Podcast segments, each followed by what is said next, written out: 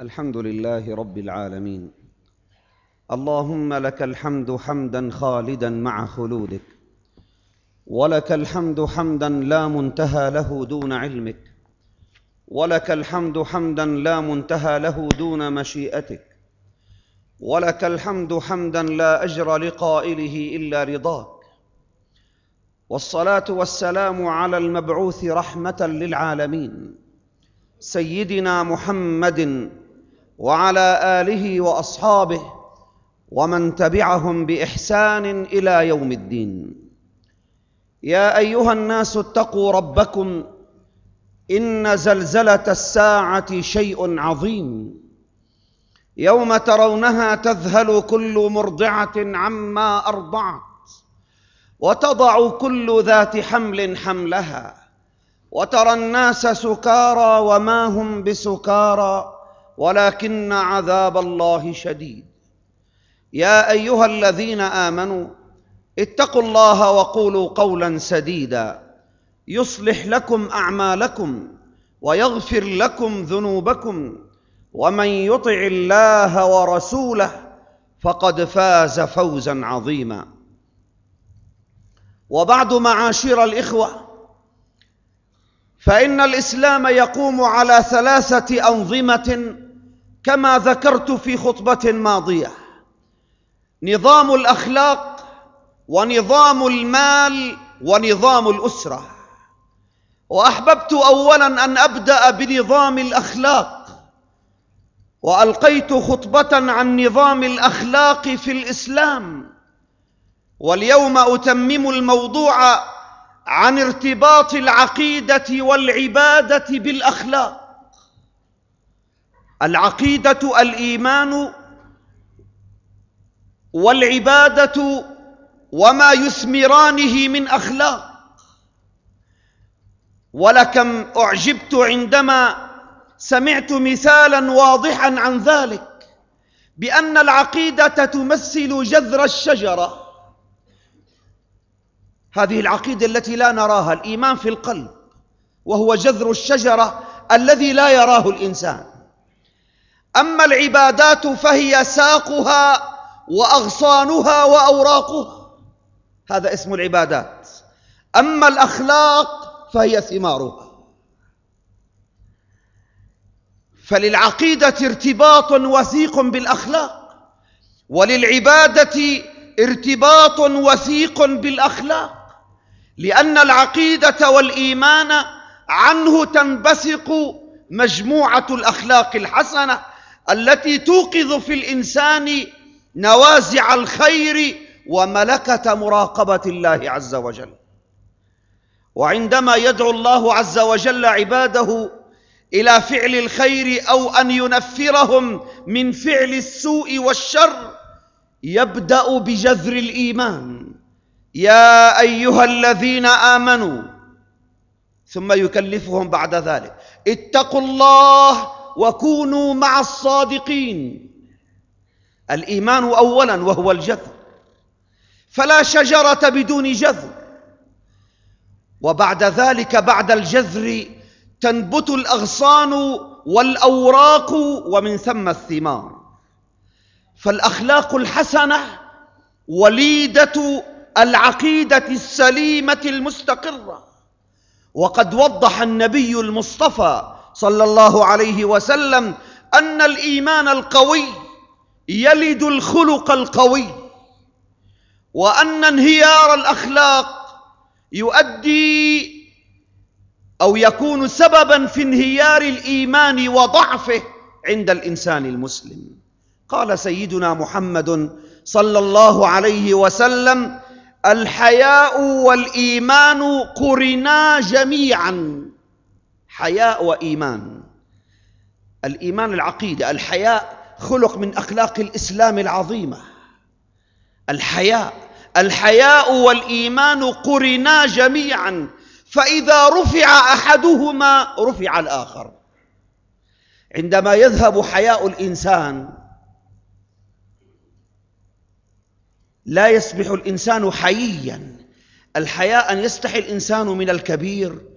أن يستحي إذا فعل سوءا. هذا اسمه الحياء بعض الناس يذهب عنهم خلق الحياة. يصبح يجابه الناس مجابهة. ويعتقد أن الحق معه. فيقابل الناس بها في هذا الحق بخلق سيء. فتذهب ويذهب عنه خلق الحياة. يقول أنا الحق معي فبدي قابل الناس بالحق بقوة. وب يعني بسوء. الله عز وجل لم يعلمنا هذا. أرسل هارون أرسل موسى وهارون إلى فرعون. وفرعون من فرعون؟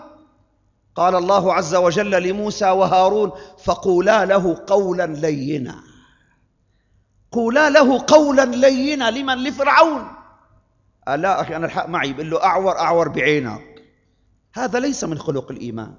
كان النبي عليه الصلاة والسلام إذا رأى من بعض أصحابه شيئا لا يليق ما كان يجابههم في وجوههم إنما كان يقول لهم ما بال أقوام يفعلون كذا وكذا. هذا خلق النبي صلى الله عليه وسلم. وما كان من عادته عليه الصلاة والسلام أن يحمر الوجوه. أن يوقع الإنسان في الضيق والحرج. أخذ هذا الخلق عن نبينا عليه الصلاة والسلام سبطاه الحسن الحسن والحسين. فلما رأيا معا رجلا يتوضأ ووضوءه ليس وضوءا كاملا وليس وضوءا على السنة وقد أنقص منه بعض الأركان. فلم يقولا له يا يا عم وضوءك باطل أو وضوءك سيء. لا. أرادا أن يعلماه ولكن بأخلاق الإسلام وحياء النبوة وصفات الإنسان المسلم فاصطنعا فيما بينهما خلافا ظاهريا. ثم جاء إليه وقالا له يا عم يا أخانا وهما صغار. قد اختلفت أنا وأخي على وضوئنا. أيهما أحسن؟ فانظر أنت في وضوئنا واحكم أينا وضوءه أحسن. وتوضأ أمامه. فرأى في وضوئهما وضوء النبوة. ورأى في وضوئهما الصحة الكاملة. فقال والله يا أبنائي وضوءكما أحسن من وضوئي. أردتما أن تعلماني. والله لقد كان ذلك سببا في إحسان وضوئي وسأحسن الوضوء إن شاء الله تعالى. هذه أخلاق الإسلام أيها الإخوة.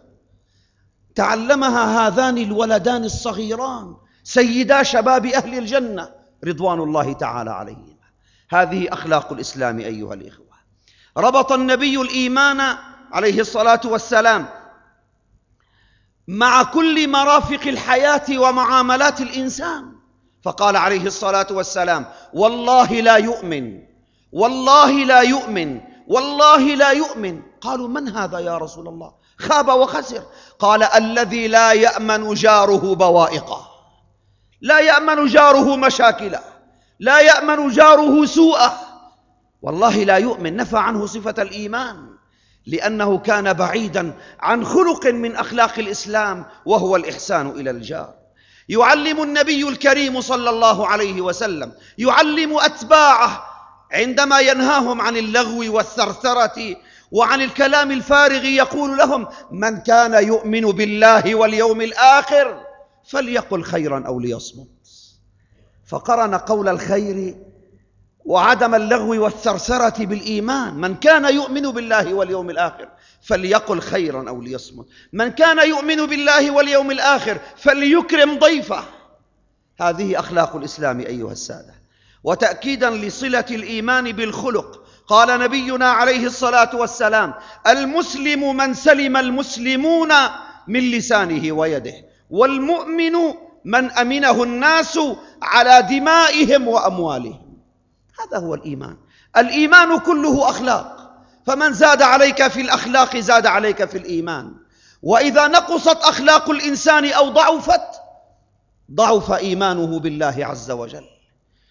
مما أثار عجبي أيها الإخوة في غضون الأسبوع الماضي كنت في زيارة إلى الصين والتقيت مدير المركز الإسلامي في بكين. وأخبرني بما سررت به سرورا عظيما. بأن المسلمين متمسكون بإسلامهم وخاصة بأخلاقهم. قال لي يسلم في كل يوم ما لا يقل عن عشرة أشخاص يعلنون إسلامهم في المركز الإسلامي. فسأل البعض وقد يصل العدد إلى خمسين في اليوم الواحد. هذا في مركز واحد. فسأل الذين يسلمون ما سبب إسلامكم؟ فقالوا له إن أخلاق المسلمين دفعتنا إلى الإسلام. نرى منهم صدقا وأمانة وأخلاقا وإحسانا إلى الجار. فالجار الصيني غير المسلم.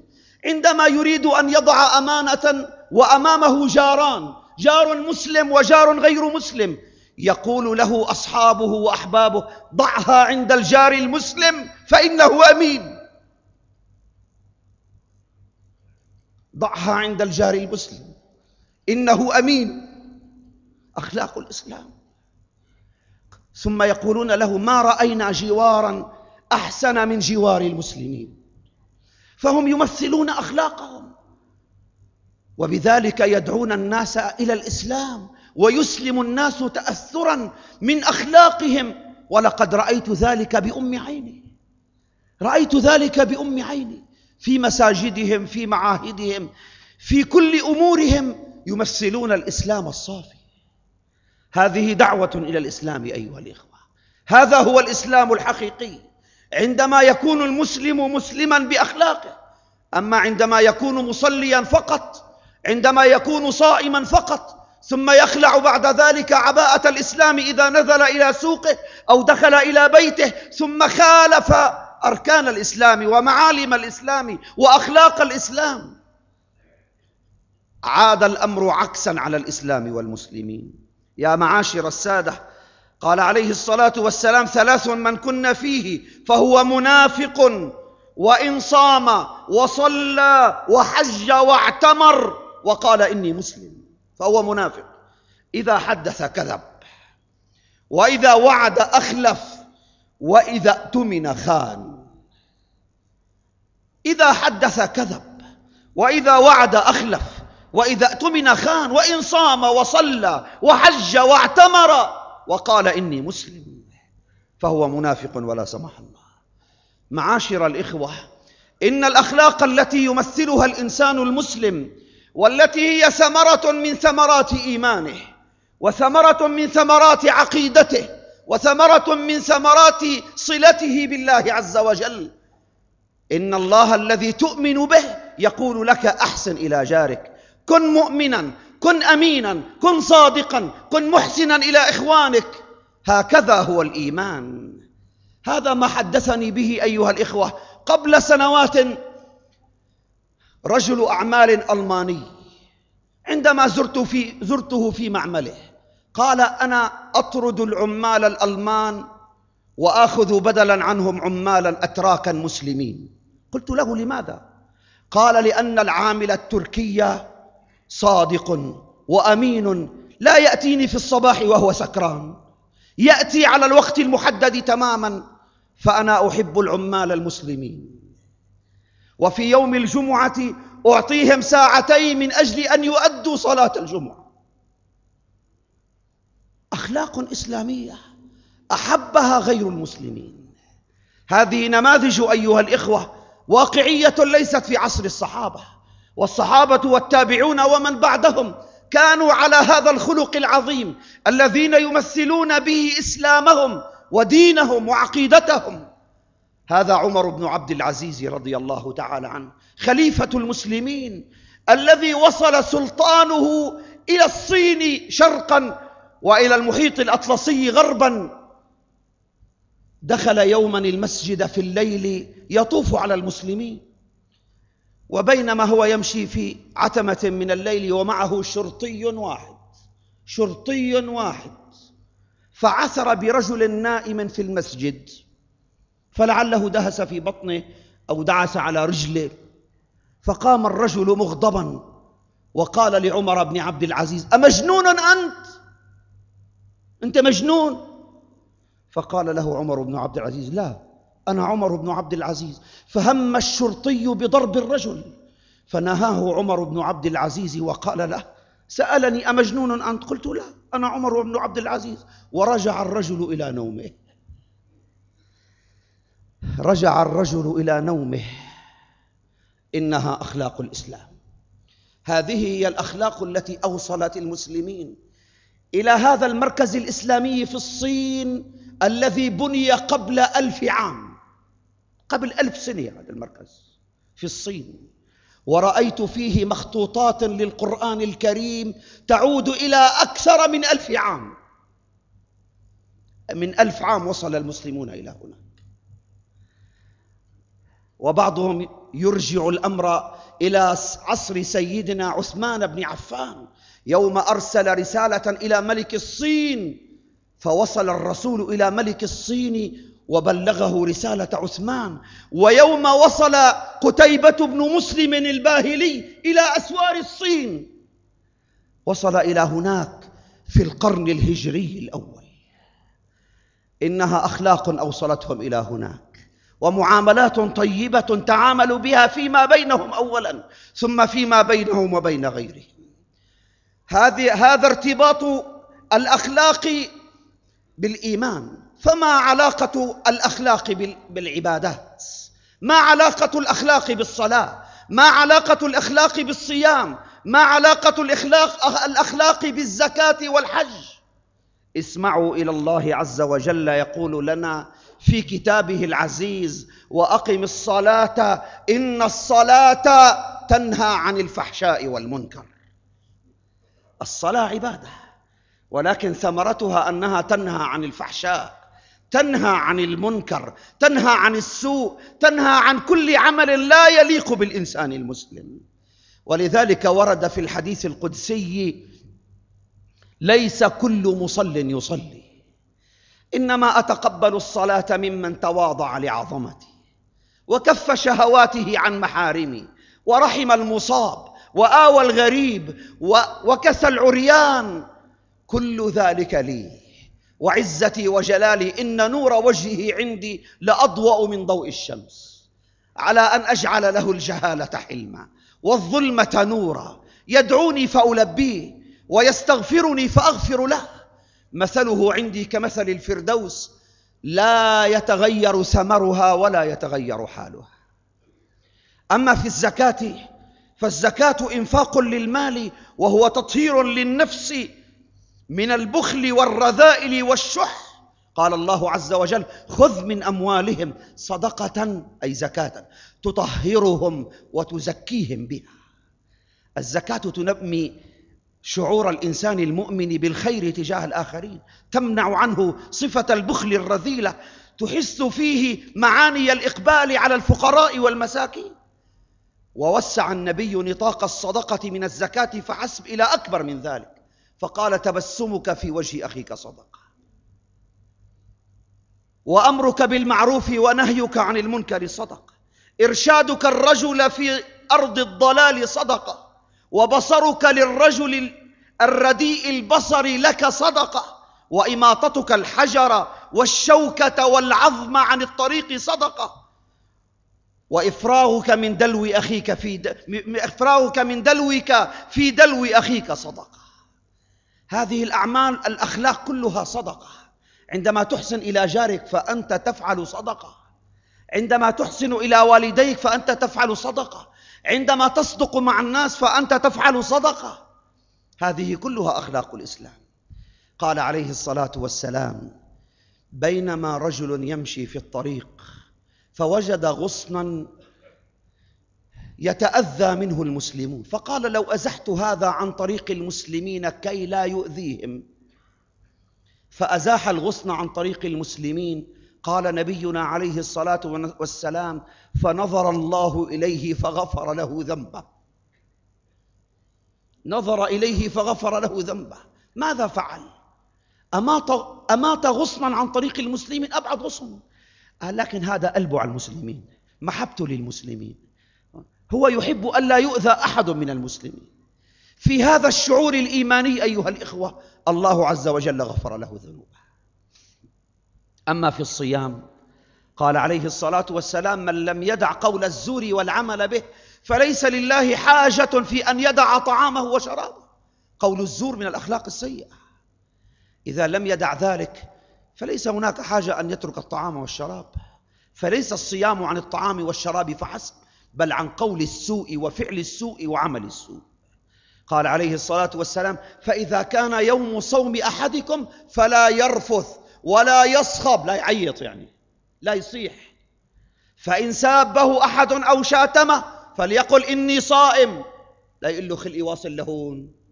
والله صايم ده خلقي لا فإن سابه أحد أو شاتمه فليقل إني صائم إني صائم إني صائم وليكظم غيظه. هكذا أمر النبي المصطفى صلى الله عليه وسلم. أما الحج فليس رحلة مجردة عن المعاني الخلقية بل الحج كله لتعليم الإنسان الأخلاق والصبر والعقيدة والإيمان واحتكاكه مع الناس يظهر ذلك. قال ربنا سبحانه وتعالى الحج أشهر معلومات فمن فرض فيهن الحج فلا رفث ولا فسوق ولا جدال في الحج. وتزودوا فإن خير الزاد التقوى. يا معاشر الإخوة العبادات لها صلة وثيقة بالأخلاق بل الأخلاق ثمرة أساسية من ثمار العبادات الصحيحة. فإذا لم تثمر العبادات أخلاقا صحيحة كانت العبادات فيها شيء من الشوب والعكر. سأل نبينا صلى الله عليه وسلم أصحابه أتدرون من المفلس؟ قالوا المفلس من لا درهم له ولا متاع. قال لا المفلس من أمتي من يأتي يوم القيامة بصلاة وصيام وزكاة وحج ويأتي وقد شتم هذا وضرب هذا وأكل مال هذا وسفك دم هذا فيأخذ هذا من حسناته وهذا من حسناته وهذا من حسناته وهذا من حسناته فإن فنيت حسناته أخذ من سيئاتهم فطرحت فوق سيئاته ثم طرح في النار. هو المفلس حقا. لأنه أفلس من الحسنات. أكل الناس حسناته لأنه أساء إليهم بأخلاقه. اللهم اجعلنا من ذوي الأخلاق القويمة. اللهم كما حسنت خلقنا فحسن خلقنا. اللهم كما حسنت صورتنا فحسن أخلاقنا. بفضلك وكرمك يا أكرم الأكرمين.